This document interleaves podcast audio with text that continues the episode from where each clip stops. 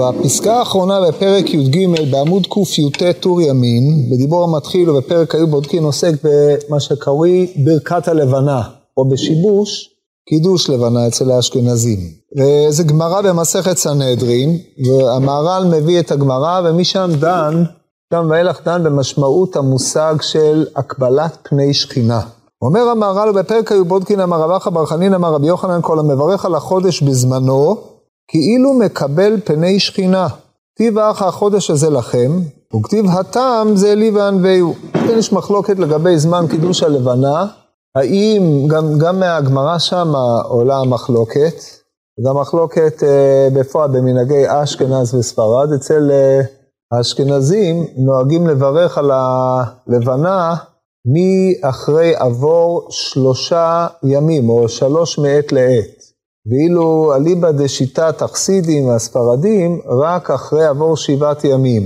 ואפשר לברך שם אה, עד אה, ט"ו, כן, עד ט"ו, יש שם דיון לגבי אה, אור לט"ז, אז מברכים בלי ברכה, אבל זה עיקר הזמן.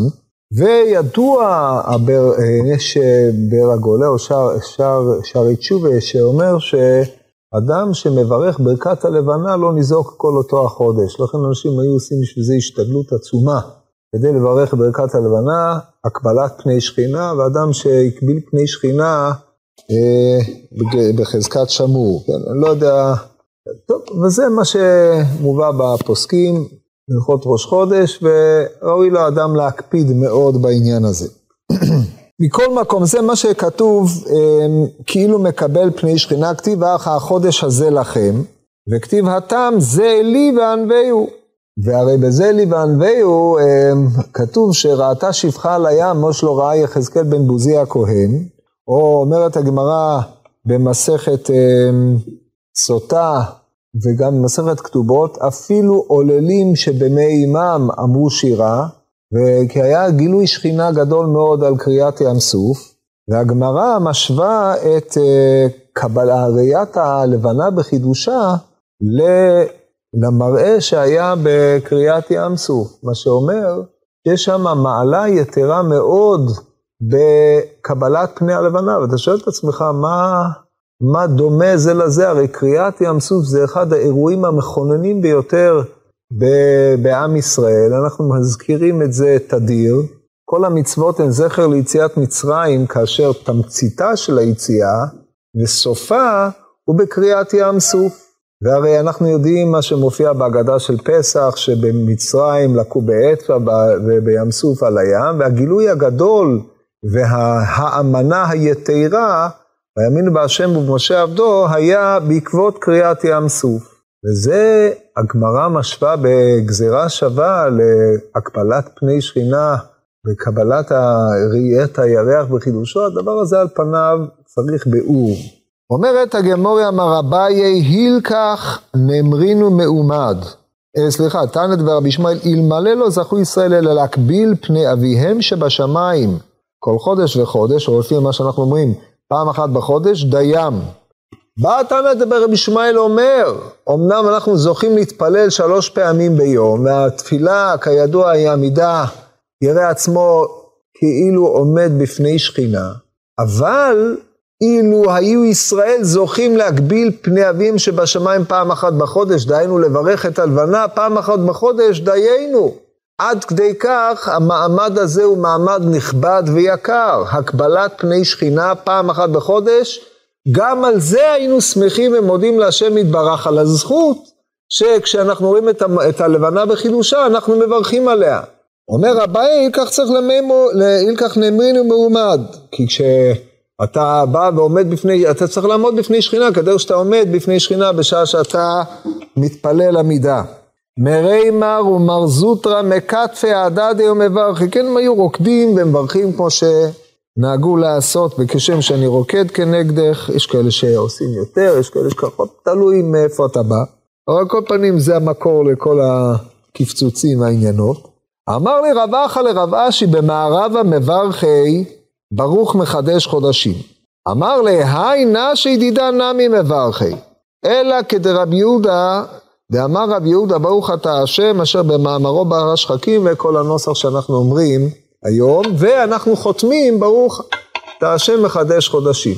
שזה עיקרה של ברכת הלבנה. אחרי זה יש לנו את התוספות אמ, שאנחנו אומרים, כאבן ידמו זורחה בגדל ופחד המטה עליהם תיפול, וקדימה וישר והפוך, ומוסיפים עוד אי אילו אמירות, אבל עיקרה של ברכת הלבנה זה בברכה ההיא בלבד. גם היא רוצה לשמוע, זה גלגול של משהו כנראה. טוב, אז עד כאן לשון הגמרא, עכשיו אנחנו צריכים להבין את עניין מעלתה היתרה של ברכת הלבנה, שהשוו אותה לזה לי וענווהו. אומר המהר"ל, דע, כי דבר זה מה שאמרו כל המברך על החודש בזמנו, כאילו מקבל פני שכינה הוא עניין עמוק מאוד. כי יש לך לדעת כי הירח הוא בפרט קרוב אל, אל האדם, כאשר ידוע כי הירח בגלגל התחתון, מפני כך יימצא בירח מה שלא יימצא בשאר הכוכבים, שהוא מתמעט וחוזר ומתחדש, כמו בני אדם שמתמעטים ומתחדשים. וכמו שאמר אחר כך, עטרת תפארת למוסבתן שהם עתידים להתחדש כמותה. ושייך בירח קבלת פנים ביותר מכל הכוכבים, מפני כי הירח הוא מן העליונים, ויש בו קבלת פנים. יש לירח חיבור לתחתונים, כמו שאמרנו, כאשר הוא בגלגל התחתון, והוא דומה כמו אורח שבא אל בעל הבית, והבעל הבית מקבל פניו. אבל החמה אין לה חיבור אל התחתונים. לכך על הירח בלבד אמרו, כאילו היה מקבל פני שכינה. ודבר זה תמצא בכמה מקומות, כל מקום שיש דמיון מה, כאשר יש קבלה ראשונה, נאמר על זה כאילו היה מקבל פני שכינה, שכך אמרו ז"ל, שקולה קבלת אורחים כקבלת פני שכינה, כי האדם נברא בצלם אלוקים. וכאשר הוא מקבל פני האורח שלא היה אצלו כלל, הוא בא עתה אצלו מצד קבלתו, עתה הפנים מחדש, נחשב כאילו קיבל פני שכינה מצד הדמיון הזה. כי אותו שלא היה אצלו עתה, מקבל עיקר צלמו כשנראה לו מחדש. וזה כאילו היה מקבל פני שכינה, כי האדם הוא בצלם אלוהים ואבן מאוד, כי הוא דבר עמוק. וכן הירח, מן העליונים ויש לו התייחסות מה אל השם יתברך, כי שכינה יש לה חיבור אל האדם, כמו שביארנו זה בכמה מקומות, וכמו שאמרו חכמים ז"ל, כל מקום שיש בו עשרה שכינה עמהם. ואין כאן מקום זה, וכן ירח יש לו חיבור לאדם שהיא בתחתונים, מה שאין כן לכל צבא השמיים שאין להם חיבור אל התחתונים כמו שיש לירח. ולכך אמרו כאשר מקבל פני הירח ומברך עליו שהוא חשוב כאילו מקבל פני שכינה, כמו שאמרו על האורח גם כן שהוא כאילו מקבל פני שכינה, בשביל שאדם דומה להיות צרו שנברא בצלם אלוהים, וכך כאשר מקבל פני הירח אשר יש לו דמיון זה, שהוא עם האדם, כמו שהוא יתברך אל האדם. שנחשב קבלתו כאילו מקבל פני שכינה. כן, אתם רואים פה שהוא חזר על העיקרון הזה כמה וכמה פעמים. אף על פי שהוא הביא דמיונות, השווה את uh, קבלת, uh, את ברכת הלבנה ועמידתנו לפניה לקבלת פני אורחים, ולעוד אי אילו עניינים פה, הדבר כשלעצמו נשאר עמום כשהיה מתחילה, הוא לא, לא, לא באר בשלב הזה כמעט כלום, וסתם את הדברים. אז קודם כל נבין את העקרונות שעל פיהם הוא בונה את הטיעון שלו, ולאחר מכן נראה את נקודת החידוש הנפלאה, שהיא מופיעה בפסקה אחר כך ברמיזה בעלמא. נקודת המוצא של המהר"ל היא המשמעות המונח פני שכינה, או קבלת פני שכינה. קבלת פני שכינה, בלי להיכנס עכשיו למשמעות של למה זה פני שכינה, היא רק, היא מעין קבלת פנים של מי שמקבל אה, פני מישהו שמתחדש לו. אם אתה נמצא מול מישהו אחר כל הזמן, אתה רואה אותו בכל יום, הוא מבני ביתך, אתה לא מקבל פניו. מקבל פניו זה כביכול נתחדשו פניו אליך. כאשר בא אורח אל האדם, והוא מקבל את פניו, אז יש פה התחדשות פנים מצד האדם. זאת קבלת הפנים. אם הפנים נוכחות אצלו כל הזמן, הוא לא מקבל אותן, הן קיימות. קבלת פנים זה קבלת נוכחות מחודשת שלא הייתה קודם לכן. עכשיו, טוען המהר"ל עוד משפט יסוד, שהוא נכתב בעמימות מה, אבל נסביר אותו. כל מקום שיש דמיון מה, כאשר יש קבלה ראשונה, נאמר על זה כאילו היה מקבל פני שכינה. דהיינו, קבלת פנים היא רק כאשר יש דמיון בין המקבל לבין זה שמקבלים אותו. אם אין ביניהם דמיון סוגי כלשהו, אין פה תורת קבלת פנים, כי הפ... הוא לא מתייחס אליך באותו סוג. כמו שבעל חיים לא יכול לקבל פני אדם, או צמח לא יכול לקבל פני אדם, מפני שהוא מובדל בסוגו הבדלה יתרה, אז כך יש אה, תופעות קוסמיות אלו ואחרות שלא נאמר שהאדם מקבל את פניהם כי הם מובדלים מן האדם הבדלה יתרה. אבל דבר שיש לו איזשהו התחברות ודמיון אל האדם, שהם קיימים ביניהם, הם יש ביניהם איזשהו צד דמיון, אז אפשר לומר ביניהם קבלת פנים. זאת ההנחה של המהר"ל, ומטמיע המהר"ל בתוך המשפט הזה את העובדה שצריכה להיות ראשוניות בדבר הזה, כי אם זה לא ראשוני, אם זה בדבר מתמיד, מהי קבלה עיקר? הרי זה קיים ועומד.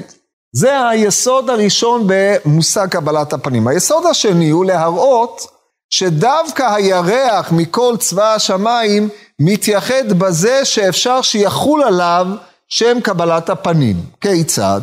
ובזה צריך אה, להכיר את הקוסמולוגיה של אה, כפי שהמהר"ל אה, מחזיק בה, והיא הקוסמולוגיה הקדומה. הם, הם סברו בזמנם, לא שזה משנה היום, אנחנו יכולים לטעון את אותה טענה גם על הקוסמולוגיה היום, אבל בשביל להבין את מערכת המושגים שהוא נוקט, שהעולם, כמו, כמו שלמדנו בפסחים, בדף צדיק ד', העולם אה, או מערכת הכוכבים מצויים, או הכוכבים הללו משובצים בתוך גלגלים. דהיינו כדורים שהם סובבים את אה, כדור הארץ בתפיסה גיאוצנטרית, אנחנו נמצאים במרכז, וכיפת השמיים היא למעשה אוסף של כדורים שקופים, שמוטמעים בהם הכוכבים, נחלקו בזה חכמי ישראל וחכמי אומות העולם, מי קבוע ומי מסתובב, זה לא ענייננו עכשיו, אבל מה שמוסכם על הכל, שהירח נמצא בגלגל התחתון.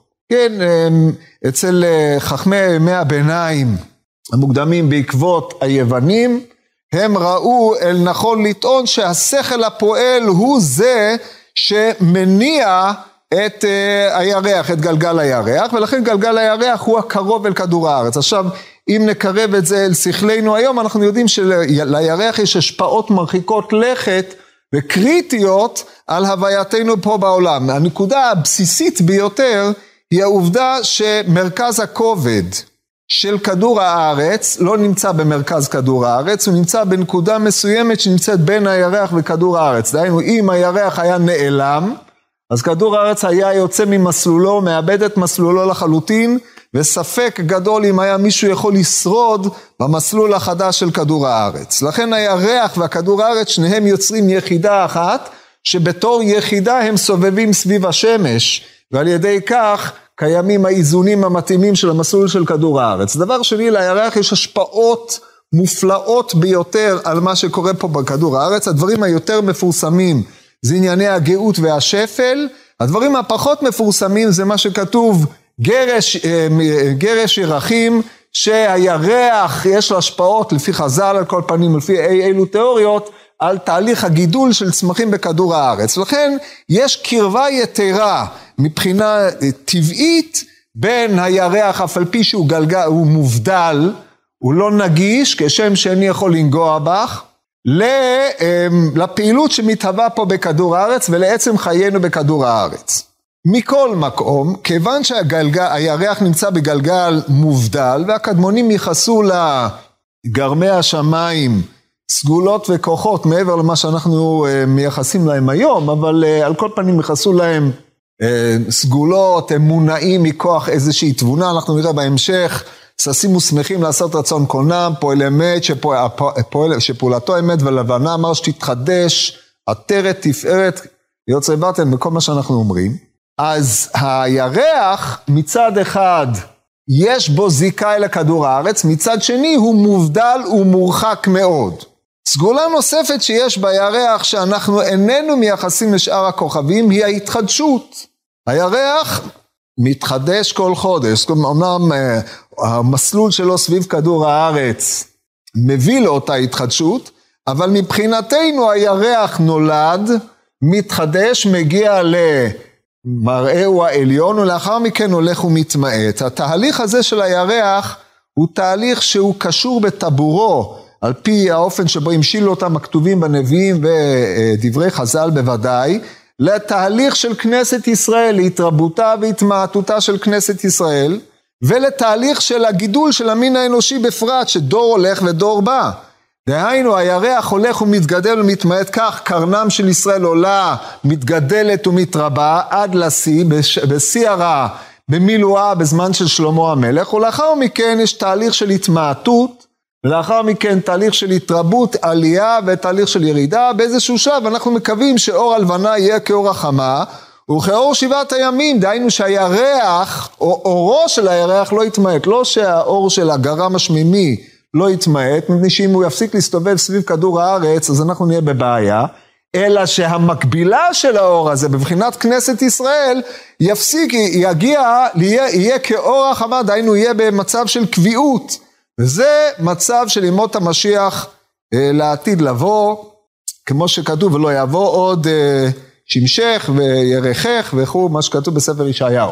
מכל מקום, בשלב זה, או בשלב החיים הרגילים, דור הולך ודור בא, חיי האדם הם התגברות והתמעטות, כמו שאתם יודעים, יש את הנערות, יש את אה, ימי העמידה של האדם, ולאחר מכן ימיו הולכים והולך אדם אל בית עולמו והוא הולך ומתמעט, נמצא שאפשר להקביל את התהליך שעובר על הירח פעם בחודש, שזה בחינת התחדשות ובריאה, כמו שהירח הולך ומתחדש, לכן אנחנו אומרים ברכי נפשי, שהוא מעין סוג של תהליך התחדשות המרומז בפרק בק"ד, לתהליך של מה שעובר על הירח, והדבר הזה הוא נכון גם על חיי האדם, על חיי האדם בפרט, ועל חיי המין האנושי, על דורות בכלל, ועל הופעתה של כנסת ישראל וההנהגה האלוקית בכלל שבכלל. כל הדברים הללו מביאים אותנו לידי הטענה, או מביאים את המערה למען הדיוק, לידי הטענה שיש דמיון בין האדם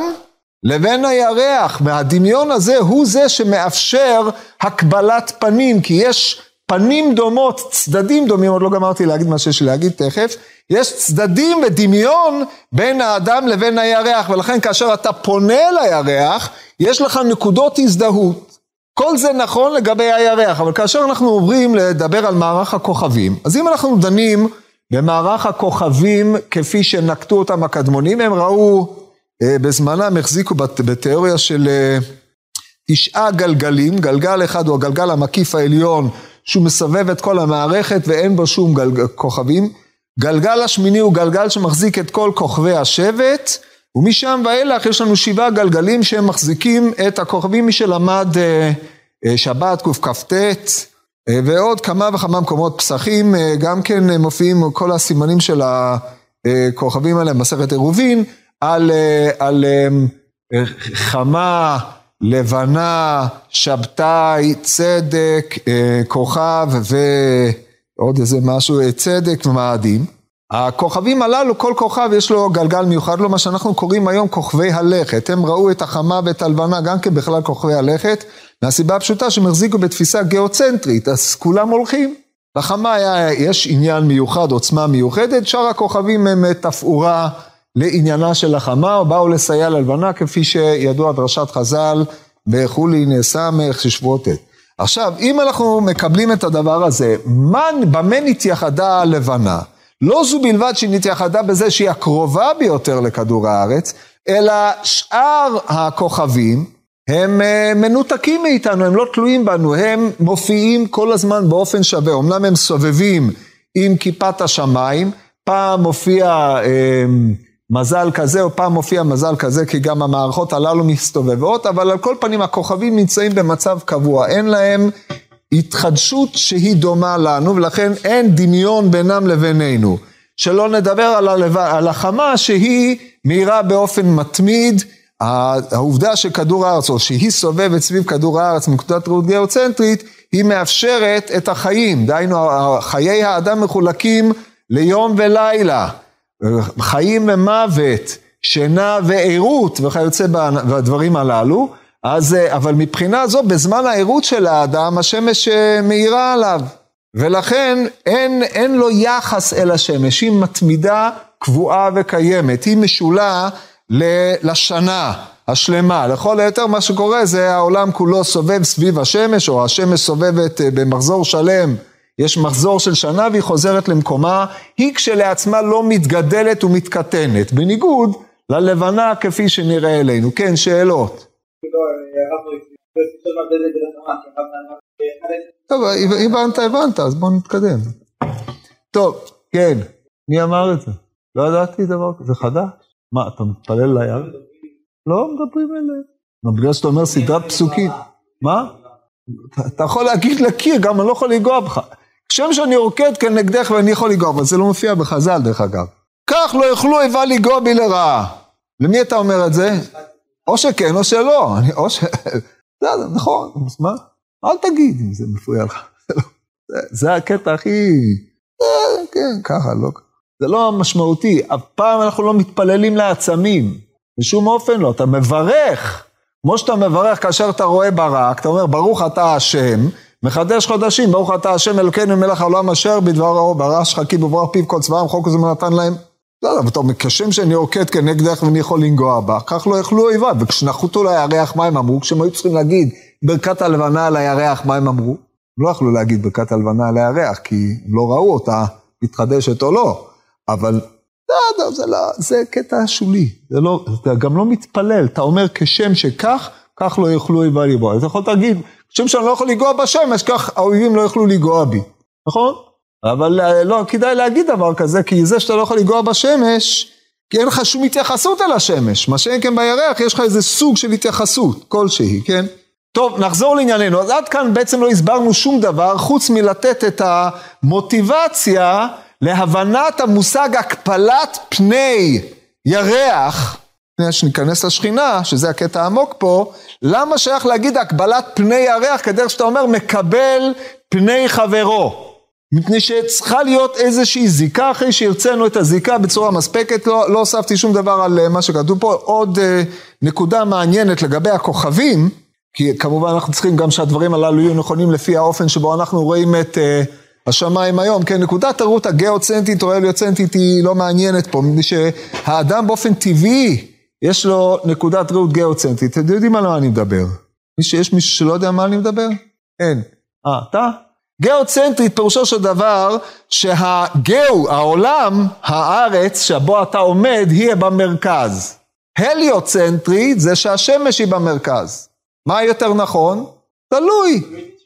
תלוי איפה אתה עומד. אם אתה עומד פה, אז גיאוצנטרי, אתה עומד על השמש, הליוצנטרי. ולכן, כאשר אתה רוצה לפתור משוואות מתמטיות, השאלה היא כמובן איפה לשים את הצופה, כן? זה היה החידוש של קופרניקוס, שהוא שם את הצופה לפי ההבנה של גלילי על השמש. במקום לשים את הצופה פה, ואז הנוסחאות יותר פשוטות. לא שהוא הצליח לפתח אותם, זה נעשה בדור אחרי זה. באמת, בזמנו של המהר"ל יוהנס קפלר, פתר את הבעיה בצורה קצת יותר מקורית מאשר הגלגלים הכדוריים על ידי האליפסה למיניה, אבל זה, היה בזמנו. הוא וטיכו בראי, הם, הם, הם היו באותה עיר אפילו. אחד היה גוי ארור והשני כומר ארור, אבל היה לו יותר שכל מהגוי הארור הקודם. אבל זה, זה המצב, בכל מקרה לענייננו זה ההגדרה. עכשיו, זה לא משנה, אנחנו מחזיקים לעולם בהשקפה גיאוצנטרית מבחינה טבעית, כי אתה עומד פה ואתה מסתכל שם, איפה שאתה עומד, הכל נמצא, אני במרכז. עכשיו, מה שקורה עם הכוכבים, למה הם לא יכולים להתייחס אלינו, אנחנו יודעים היום שהכוכבים הנראים הם שמשות או גלקסיות. אתה רואה כוכב מרוחק, משהו כמו 100 מיליון שנות אור, אתה לא רואה כוכב, אתה רואה גלקסיה, אנדרומדה היא נראית כמו כוכב, או תלוי עד כמה יש לך הגדלה שלה, אבל הגלקסיות כל הזמן מתרחקות מכדור הארץ, יש תנועה מתמדת של התרחבות היקום, כן? זה אחד מהגילויים של האבל, שעליו קרוי הטלסקופ ההוא. כן, גילוי של, זה גילוי גאוני, העולם הולך ומתפשט כל הזמן. עשו מזה אקסטרפולציה והגיעו למסקנה של המפץ הגדול, הרי עשו פשוט תהליך הפוך. אבל גילו את הדבר הזה, זה גילוי של דומני שנות ה-60, גילוי מדהים. גלקסיות מתרחקות ומתרחבות, העולם כל הזמן הולך ומתגדל. כאשר אתה רואה כוכב, אתה רואה גלקסיה. אין לך שום התקשרות אליה, גלקסיה, אנחנו נמצאים באיזשהו, בתוך שביל החלב שהיא גם כן איזה סוג של גלקסיה, זרוע של גלקסיה הרבה יותר גדולה. כאשר השמש שלנו היא עוד סוג של כוכב כמו הכוכבים שאתה רואה. לכן ברור לחלוטין, דברי המהר"ל מתחזקים ביתר שאת לפי מה שאנחנו מכירים היום, כי אין לנו שום התייחסות לכוכבים האלה, הם רחוקים מאיתנו מרחק של מאות מיליון שנות אור, כן, למעט כוכבי הלכת האחרים, שגם עליהם אין לנו התייחסות, כי אין להם השפעה ישירה על כדור הארץ. אם תוציא את צדק ממערכת השמש, ההשפעה על כדור הארץ תהיה מינימלית, מה שאין כן עם הירח. לכן זה קריטי לעצם חיינו פה, וזה מה שמגדיל את משמעות נקודת ההתייחסות. טוב, אז עכשיו עד כאן הסברנו את כל החלקים הטכניים הפחות מעניינים שיש בדברי המהר"ל. עכשיו אנחנו צריכים לעבור לקטע שבגללו הוא קרא לקטע עמוק מאוד. כשזה עמוק, זה לא מובן. הנקודה הלא מובנת זה מה עניין הקבלת פני שכינה לפה. אז אם אנחנו פתחנו בשאלה, מה עניין זה אלי וענווה הוא גילוי שכינה שהיה על, על אה, קריאת ים סוף לבין גילוי הירח, המהר"ל הצעיד אותנו צעד נוסף, אמר הדבר הזה הוא לא שונה מאדם שמקבל פני אורח, אומרת הגמור במסכת שבת, יש שם טרילישנה, אם זה כהקבל, יותר מהקבלת פני שכינה או כהקבלת פני שכינה, כן, הגמרא בקכ"ז. אז אם כך, מה, למה הקבלת, קבלת אורח היא כקבלת פני שכינה? על יסוד מה הדברים אמורים? אז המהר"ל חזר על זה ושנה ושילש כל הדברים הללו בטור הימני ואחרי זה באמצע, בטור השמאלי. אז כל מה שאמרתי לכם זה פחות או יותר אה, מה שכתוב פה, בלי להסביר את הנקודה. הנקודה, כמו שאמרנו, מתבארת בהמשך הפסקה שאותה עוד לא קראתי. עכשיו, אחרי שהסברתי לכם את כל זה, אני אקרא את מה שקראתי, ואתם תראו איך אה, הדברים הללו מבוארים לאור העניין, חוץ מהנקודה הזאת, איפה השכינה נכנסת. שזה נדבר תכף.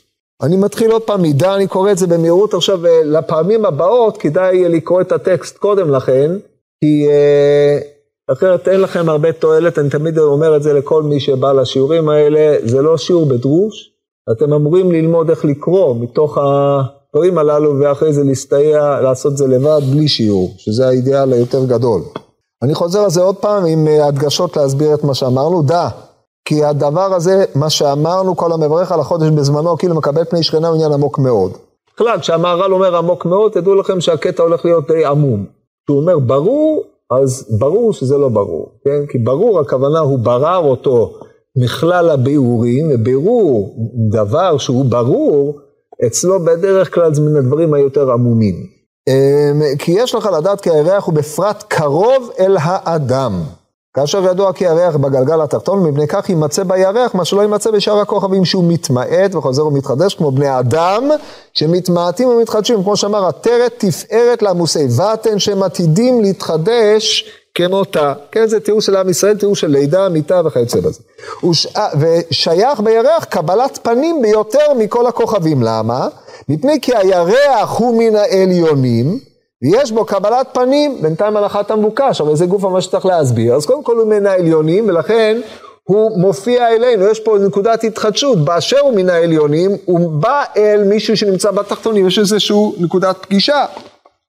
אבל לא כל מי שבעליונים יש בו קבלת פנים, אז זה מסביר המהר"ל, אה, כי יש לירח חיבור לתחתונים כמו שאמרנו, כאשר הוא בגלגל התחתון, הוא דומה כמו אורח שבא אל בעל הבית, ובעל הבית מקבל פניו, כן הוא מגיע פעם בחודש, אבל החמה, אין לה חיבור אל התחתונים.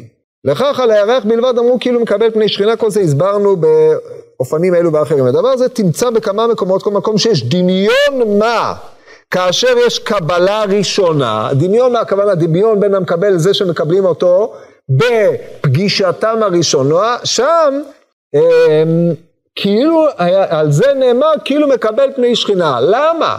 וזה המהר"ל לא הסביר, ובשלב זה מניח את הדברים הללו, אמרנו זה יהיה רמוז בהמשך.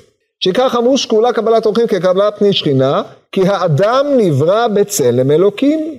וכאשר הוא מקבל פני האורח שלא היה אצלו כלל, הוא בא עתה אליו, מצד קבלתו עתה הפנים מי חדש, נחשב כאילו מקבל פני שכינה מצד הדמיון הזה. שימו לב, פה הוא רומז לבחינת צלם אלוקים שבאדם, שכאשר אתה בא ופוגש את האדם, אתה לא פוגש את ראובן, זאת אומרת, אתה ודאי פוגש את ראובן, אבל הנקודת קבלת פני שכינה בפגישת ראובן זה ההתחברות עם הזיע רעילה, הניצוץ הקדוש שהוא צלם אלוקים לשנת המהר"ל בכמה מקומות, שזה הניצוץ המחבר אותו עם קונו. הוא רומז לזה בהמשך המהר"ל בכמה מקומות מדבר על צלם אלוהים, הוא לא מהלך בזה בשיטת הרמב"ם המורה באלף א', ועוד כמה מקומות שזה יותר על השפע השכלי השופע על האדם, הולך פה יותר בצד המקובלים, שזה איזושהי נקודת ניצוץ אלוקי שקיים באדם, הוא קורא לו זיע רעילה על פי הזוהר, הזוהר העליון, הזוהר העליון שמאיר על האדם זה בחינת צלם אלוקים שבו, שיש בו נקודת התחברות אל האלוקות, כן, אפשר היה גם uh, להכניס את זה לרמב"ם המורה על השפע האלוקי השופע על האדם, כי הרמב"ם המורה מבחין בין צלם וצלם אלוהים, כמו שכתוב בעיר צלמם תבזה, בתהילים ע"ג, יש את המושג צלם, צלם תחוריהם וצלם, מה שהוא מביא שם באלף אלף, אבל צלם אלוקים זה השכל, לא האינטלקט של איזה גוי ארור שהוא גאון אינטלקטואלי, אבל הוא בהימה, אלא השפע השכלי השופע על האדם, מה שעושה אותו אדם, וזה ישראל. ולא כל אחד מישראל, לא כל אחד זוכה לזה, צריך אה, בשביל זה מעלות יתרות, הרמב"ם במורה נבוכים בג' נ"ב דיבר על הדברים הללו, כמו שכתוב, אה, מובא, מובא ברמה, דרך אגב, זה, שם הרמה משתמש בשכינה, כן?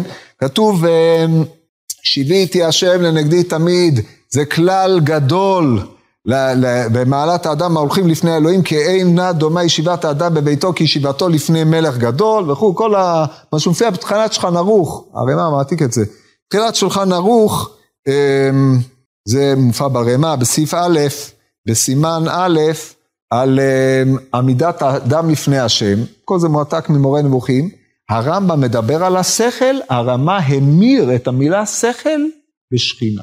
ובאמת, כתוב בגמרא, כל, שאמרנו את זה בשיעורים שעברו, כל שלא חס על כבוד קולנוע משנה בחגיגה בית א', ראוי לו, רטוי לו, הרמב"ם גורס, ראוי לו שלא בא לעולם כבוד קולנוע, זה כבוד השכל, דיברנו על זה בעבר.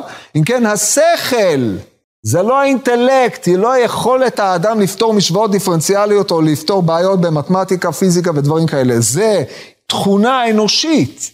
השכל האנושי זה השפע והמחבר בין האדם לבין קונו. זה הבחינה היותר עליונה של האדם, שהיא, בנקודה הזאת האדם מתחבר אל קונו. אצל המהר"ל הוא מסב את זה למה שקרוי ניצוץ, הזיר העילה ניצוץ השופע מן ההערה הגדולה, ותכף נראה איך זה בא לידי ביטוי. עכשיו הנקודה הזאת, זה מה שאדם פוגש כאשר בא אליו האורח. זאת אומרת, הוא לא יודע שהוא פוגש את זה, מבחינתו הוא פוגש את האדם. אבל פגישת האדם המחודשת מסיבות אלו ואחרות, ראו אותה חכמים כקבלת פני שכינה, מתחדש אצלך נקודת החיבור עם אותו ניצוץ שהוא נציג השכינה האלוקית, כמו שהוא יסביר בהמשך. אז את אותה בחינה יש גם כן בראיית פני הלבנה, את זה נסביר עוד מעט, נספיק. עכשיו אה, נתקדם עוד קצת. כי אותו שלא היה אצלו, אתה מקבל עיקר צלמו. כשנראה לו מחדש, כן, אנחנו חושבים שאתם מקבלים את האדם אתה, עם כל הסיפורים שלו, עם כל הפנים שלו, ומי הוא, ומה יש לך להגיד, וכל הבלבולי שכל שהולכים בין שני האנשים. אומרים חז"ל, אתה יודע מה קרה פה? התחדשה נוכחות שכינה אצלך, ככה זה. תראו איך אנחנו ממעטים את הדמות, איך כתוב בפרשת השבוע. ושמשה שם על פניו מסווה, הוא אומר בוא וראה כמה גדול עניינו של החטא, שהרי לפני שחטאו בחטא העגל כתוב מראה כבוד השם כשאוכלת בראש ההר לעיני בני ישראל. ואחרי שחטאו בעגל מה כתוב? שלא יכלו אהרון, ואהרון וזקני ישראל דבר עם משה, ששם על פניו מסווה. אז יש לנו פה דיספרופורציה להבנת נקודת המציאות, כשאנחנו מסתכלים על האדם, מה אנחנו רואים בו, איזה הומו סייפין, איזה התפתחות של קוף, או עם כל הסיפורים שלו, דהיינו בהמה בצורת אדם. אבל זה לא כך, באו חז"ל ואמרו לך, ככה לא צריך להסתכל על האדם, אדם חדש שבא אליך, ניצוץ אלוקים מופיע פה, צריך לעמוד. זה האופן שבו חז"ל ראו את זה. אם זה ככה לאדם, על הירח, על אחת כמה וכמה. שיש פה התגלות של כבוד השכינה, תכף נראה עכשיו איך הוא מפתח את זה, עכשיו נבין עוד קצת. וכן הוא ערך מן העליונים ויש לו התייחסות מה אל השם יתברך כי השכינה יש לו חיבור אל האדם, כמו שביארנו בכמה מקומות, כמו שאמרו חכמים בברכות, טוב נדלג על כל זה. עכשיו אנחנו מגיעים לעוד תוספת אחת, ואז המהר"ל מגיע לנקודה שאותה אני אסביר בקצרה. אחרי זה אומר המהר"ל, ועוד אמרו גם כן בפרק כמה דגידושין, רב יוסף ושמע קרא דאימי דעתא תמריקו מקמי שכינתא. שמע את אמו הוא אמר אני אקום מקמי השכינה. עכשיו רבי יוסף היה עיוור, כן, לא ראה אותה, הוא שמע שהיא באה, קם. ככה אדם מתייחס לאימא שלו? תראו מה זה, זה לא יאומן כי יסופר. אי קומי קמי דשכינתא. וכל זה, מפני שאדם יש לו דמיון לשכינה. כמו שאמרו הקדוש ברוך הוא משותף עם אב ואם. לפיכך הוא קש כבודם לכבוד השכינה. כתוב כבד את אביך ואת אמך וכבד את השם מעונך. הוא קש כבודם לכבוד השכינה ודווקא כאשר שמע קראה דימי ונראה אליו אתה, שאז נקרא פנים חדשות, רצה לומר צורה חדשה. עכשיו פה הוא אומר את הנקודה. ומצד הצורה אשר השם יתברך משפיע הצורה, מתאחד הצורה עם השם יתברך הנותן הצורה כמו שהתאחד הניצוץ עם הנר. רק שיש בזה חילוק על ידי החומר, וכאשר מקבל מחדש, דבר זה נחשב כאילו לקבל הצורה הפשוטה נבדלת לגמרי, שהצורה מתאחדת עם אשר מאיתו הצורה. לפיכך כל אותם אשר אמרנו הם כאילו היה מקבל פני שכינה, כי הירח מצד שהירח מן העליונים יש לו בדבר מה דמיון אל השכינה שהיא בעליונים. וגם הוא מיוחד מכל צבא השמיים שיש לו חיבור עם האדם כמו שיש לירח אשר בהרכי התחתון יש לו חיבור עם האדם לאחר שנחשב כאילו מקבל, קיבל פני שכינה וכן האדם שהוא בצלם השכינה. כמו שאמרנו למעלה הוא מעולם לא אמר את זה. הוא אמר למעלה שהוא בצלם, בצלם אלוקים לא בצלם השכינה. שימו לב להמרה המרתקת שהוא עשה פה. אה, בצלם השכינה כמו שאמרנו למעלה, מצד הדמיון הזה מתאחד עם השכינה אשר השפיעה הצורה הזאת לפיכך כאשר מקבל הפנים זה מחדש, בזה הוא מתחבר לעיקר עד כי נאמר על זה כאילו מקבל פני שכינה והדברים עמוקים למי שמבין אותם. נקודה. פה הוא סיים את הנושא הראשון. נסביר את ה, מה שעולה מפה לפי אה, מיעוט הבנתי. כתוב בפסוק כי לא יראני האדם וחי. האדם לא יכול להשיג בעולם הזה מהאלוקות כלום, כלום.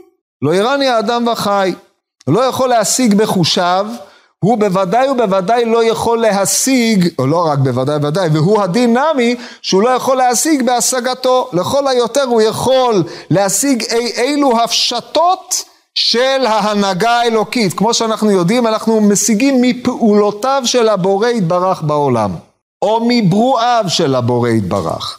עכשיו ישנם כמה דברים שהם מתייחדים בזה שהם מורים על היותם ברואי האל יתברך. כל העולם כולו הוא ברואיו של האל. אבל יש דברים שמתייחדים בזה שיש איזושהי זיקה שהקדוש ברוך הוא טבע בהם של, של גילוי מדרגה יותר נעלה שאיננו יכולים להשיג את כולה כי לא יראני האדם וחי. דהיינו בהיותנו בחומר איננו יכולים להשיג את אותן מדרגות. הדבר האחד הוא השגת אלוהים, השגת ההנהגה האלוקית. אנחנו יכולים להציג צלם אלוהים, שהוא מיעוט של איזשהו ניצוץ הבא מן הבורא יתברך.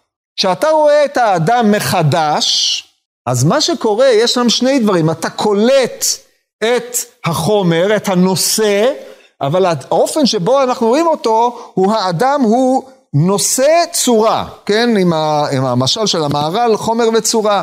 צורת האדם השלם היא צלם אלוקים שבו. אלא שהצורה הזאת צריכה נושא, הנושא הזה הוא החומר.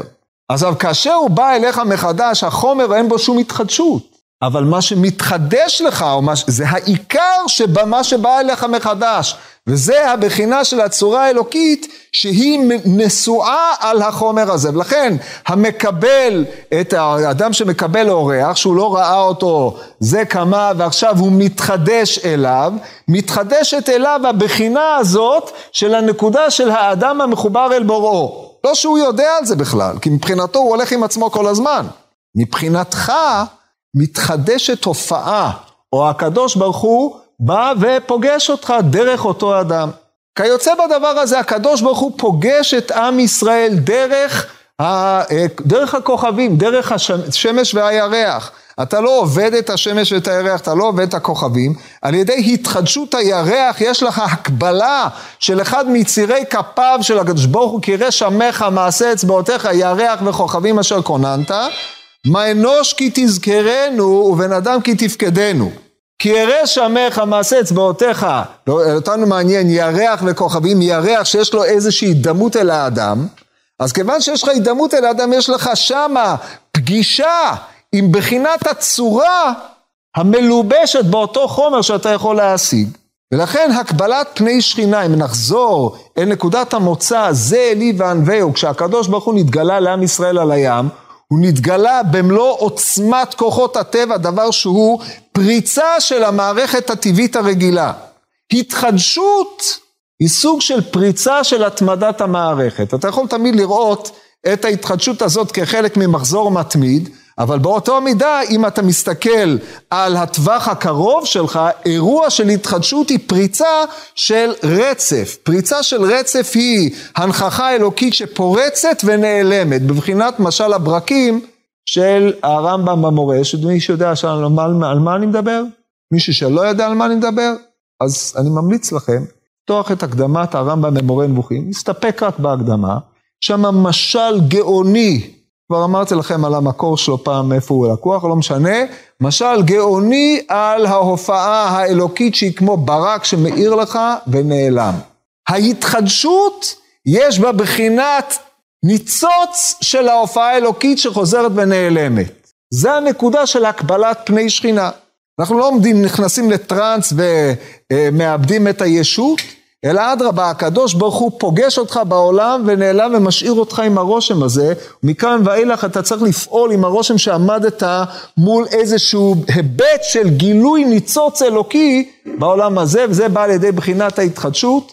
זה בשלב זה של הפרק. טוב, אז עד כאן להיום, ושיהיה לכם פסח כשר ושמח.